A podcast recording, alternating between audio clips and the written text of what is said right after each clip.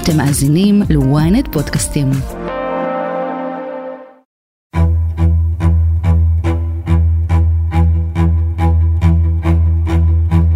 Today I will be revealing intelligence proving that Hamas uses hospitals as terror infrastructures. Hamas is cynically using hospitals as a shield for its underground terror complex. הסוד של איום המנהרות בעזה הוא סוד גלוי. ישראל מנהלת שנים ארוכות מערכה מוצלחת נגד המנהרות שחדרו לשטח ישראל. אבל רשת המנהרות בעזה, או המטרו כפי שקוראים לו, היא הרבה יותר מזה. I want to explain. There is an underground metro tunnels in Gaza City, not just in Gaza City.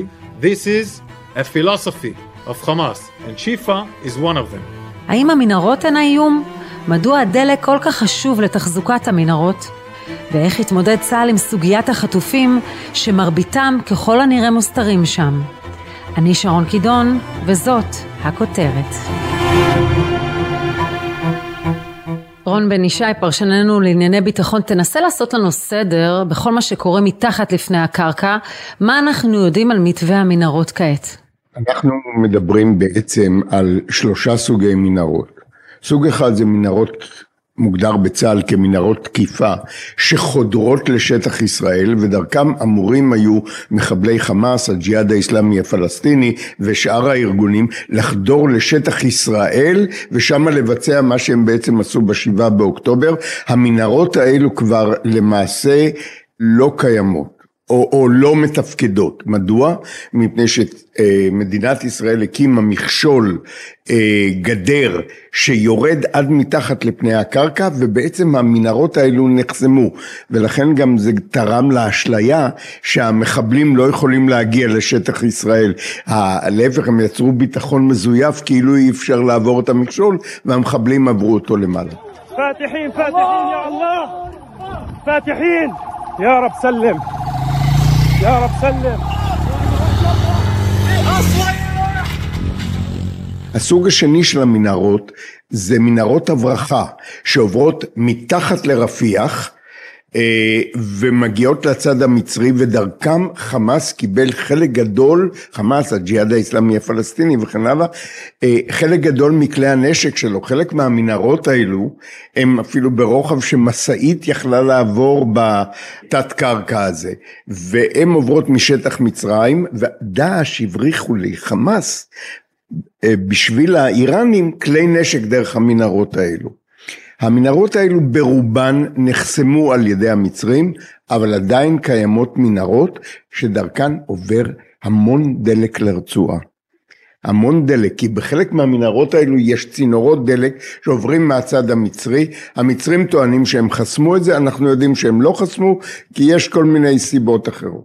הסוג השלישי, והוא הסוג שאליו את מתכוונת, אלו מנהרות שמוגדרות כמנהרות לחימה מתחת לערים וליישובים בשטח הפלסטיני, שנועדו לאפשר לאנשי חמאס להסתתר מהפצצות חיל האוויר במקלט יחסית בטוח, וגם לנוע ולהופיע לצה"ל בכל מיני מקומות מפתיעים כשהוא נע ברחובות אז לבוא מאחוריו, לבוא מתחתיו, לבוא מצדדיו, כמו שהם עשו להדר גולדין למשל, שחטפו את גופתו, או לשאול אורון זיכרונו לברכה, אה, גם הדר גולדין זיכרונם לברכה, שהופיעו להם במנהרות וחטפו את גופתו אחרי שהנגמש של שאול אורון זיכרונו לברכה עלה על מוקש. זה, זה אלה מנהרות הלחימה והם אלו שמסכנות כעת את כוחותינו.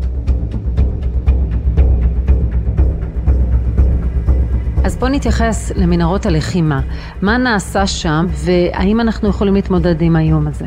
כדי להבין את עניין המנהרות צריך להבין שבעזה יש גורם אחד שמקל מאוד על חפירת מנהרות אה, לחימה מתחת לקרקע, וגורם אחד שמגביל אותה.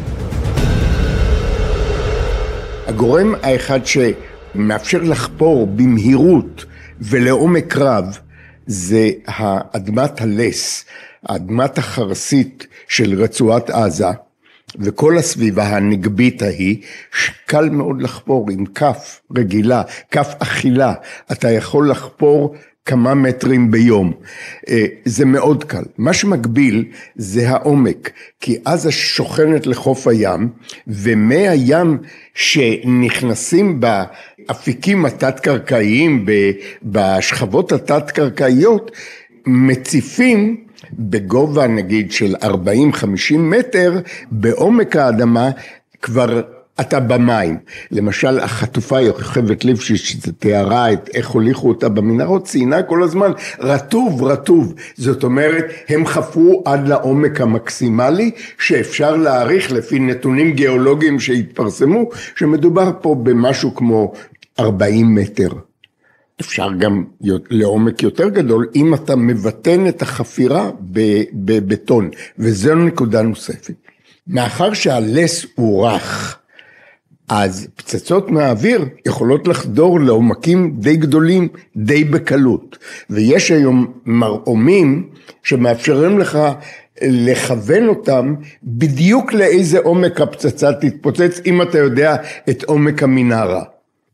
כנגד זה, החמאס והג'יהאד האיסלאמי הפלסטיני ביטנו את המנהרות בביטנה של אה, בטון טרומי. בטון טרומי הזה אה, מתוגבר בברזל, מה שהופך אותו בעצם לממ"ד. המנהרה הופכת לממ"ד, שלא לדבר על הבונקרים התת-קרקעיים שהם חפרו באמצע מערכי המנהרות, שהם שמשרים, מאפשרים שליטה, מאפשרים ללוחמים להתארגן, מאפשרים ללוחמים למעשה לחיות מתחת לאדמה. מה הבעיה של הבונקרים האלו וגם של המנהרות? אספקת אוויר.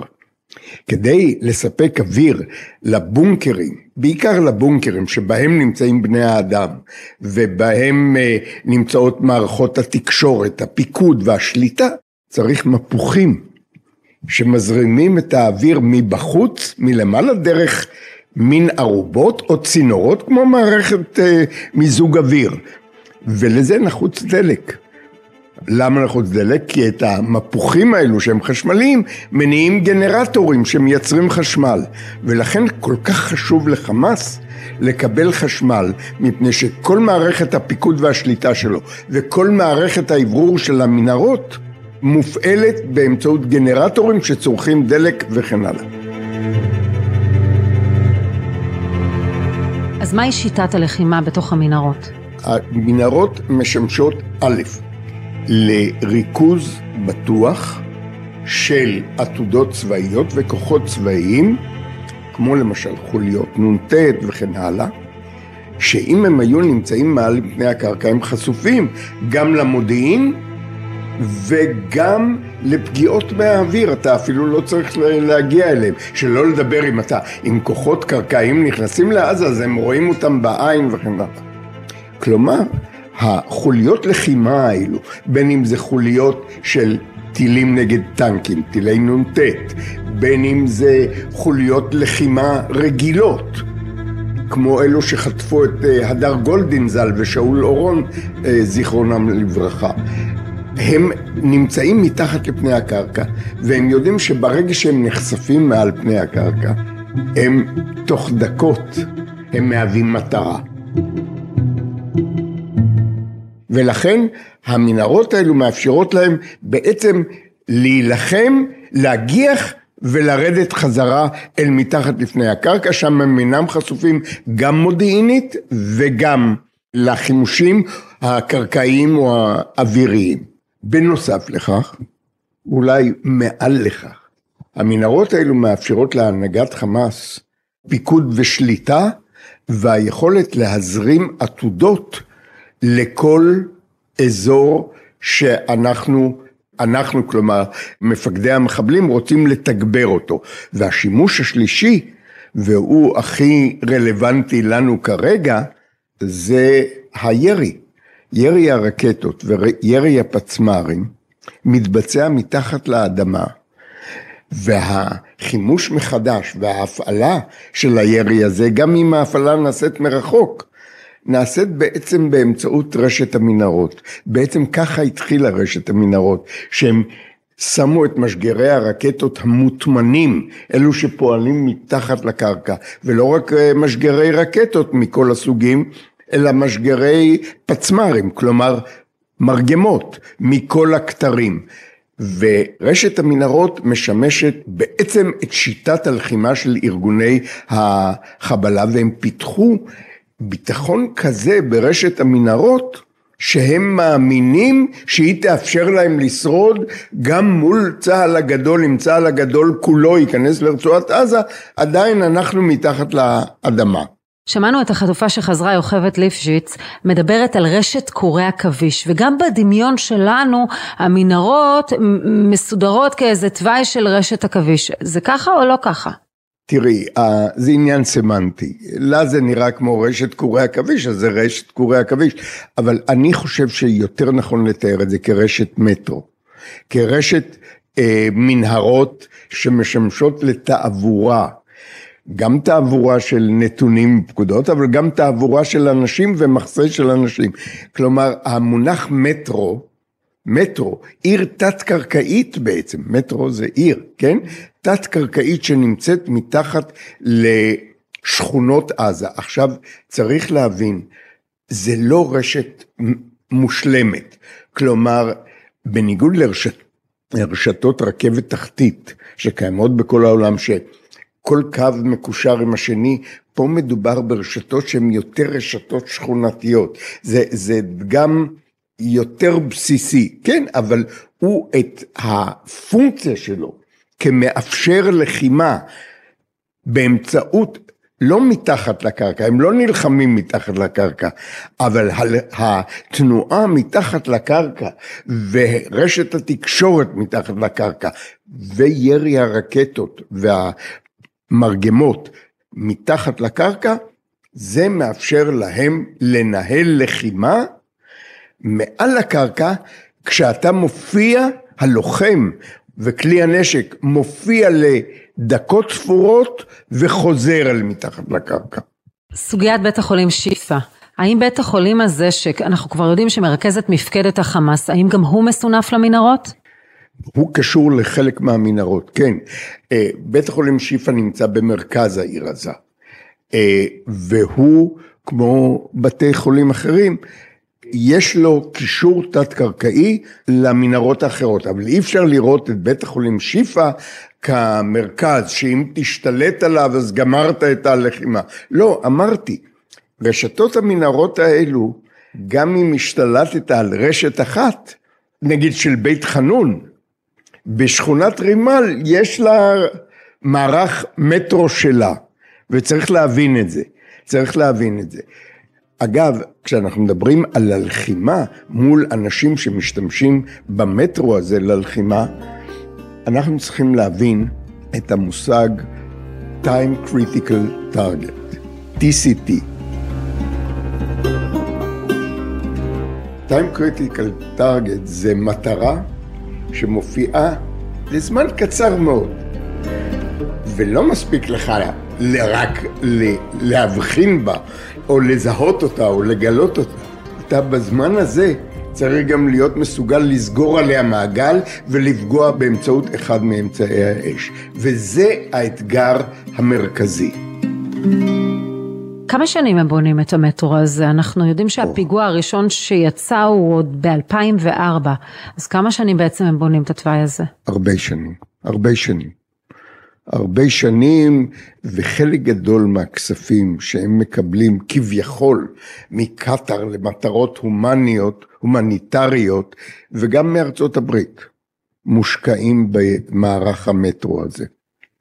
ואנחנו אגב ניסינו למוטט אותו. והצלחנו, למשל בשומר החומות, הצלחנו למוטט חלק, חלק ניכר מהמטרו הזה.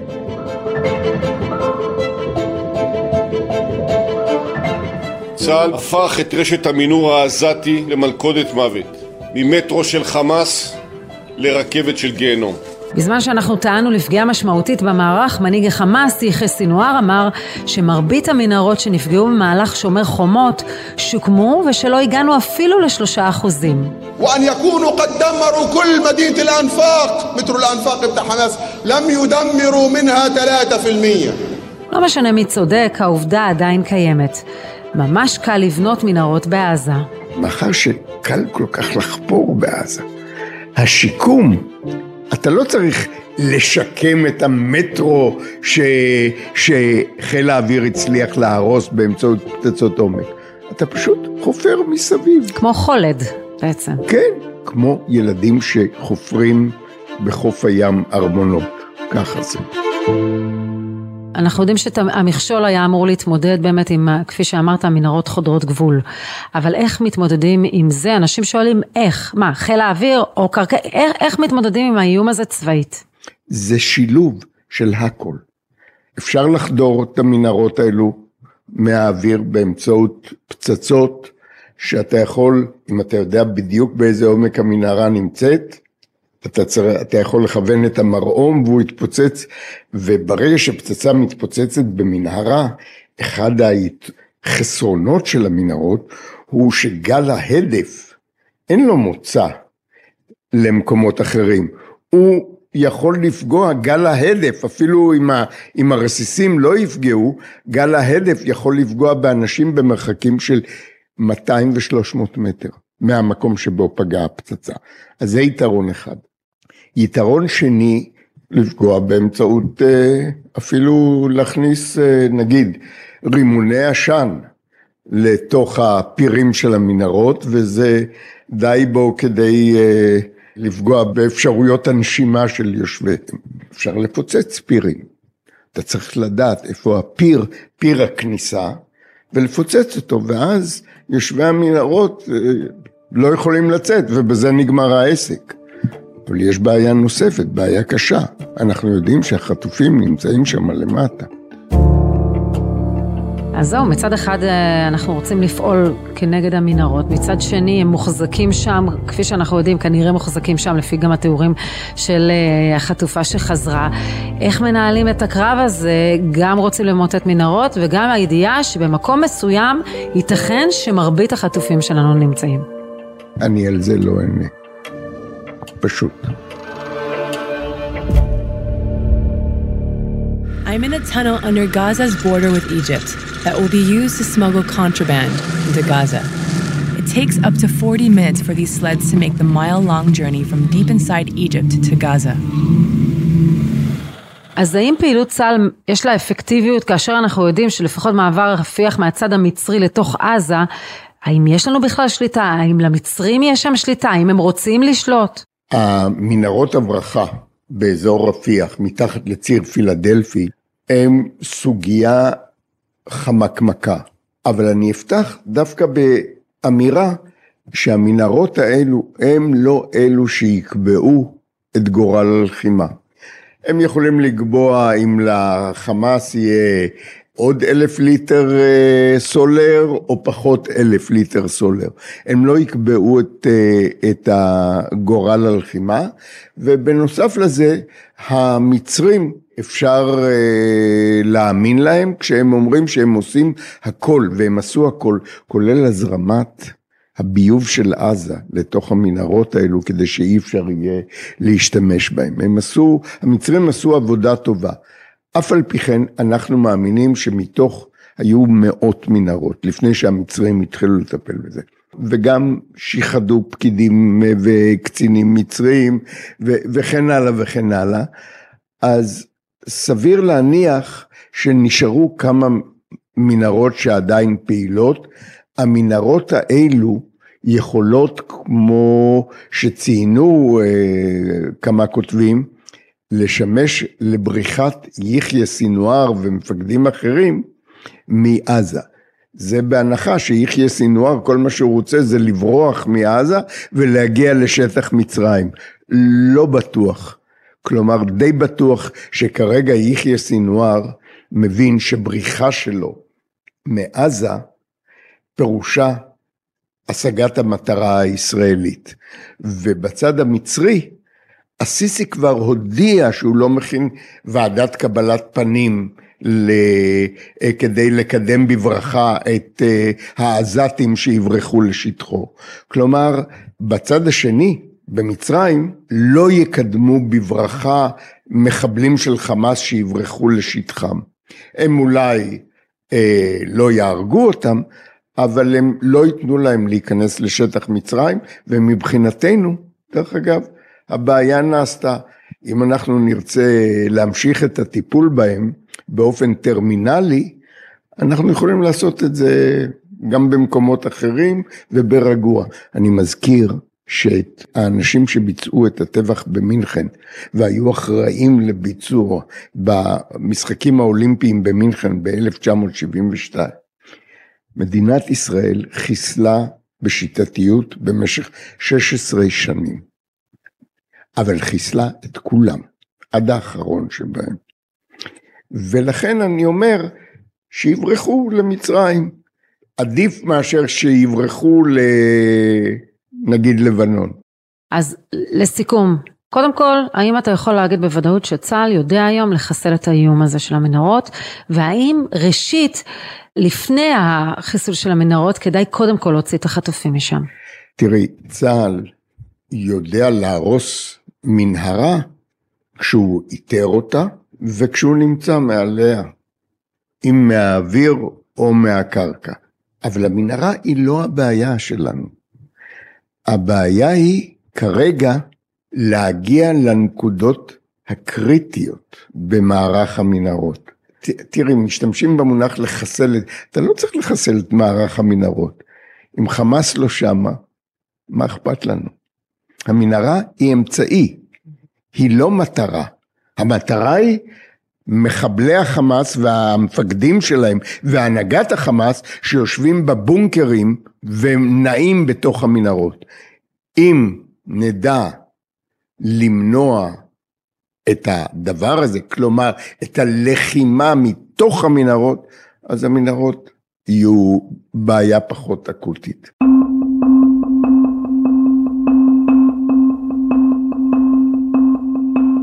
רגע לפני סיום, רון בן ישי רוצה להוסיף דבר נוסף. שאלת על חיסול המנהרות, צה"ל יודע לחסל את המנהרות, ויש לו גם האמצעים. אנחנו בצוק איתן אה, הבנו איך מטפלים במנהרות ואיך דואגים, אבל הבעיה היא לא המנהרות.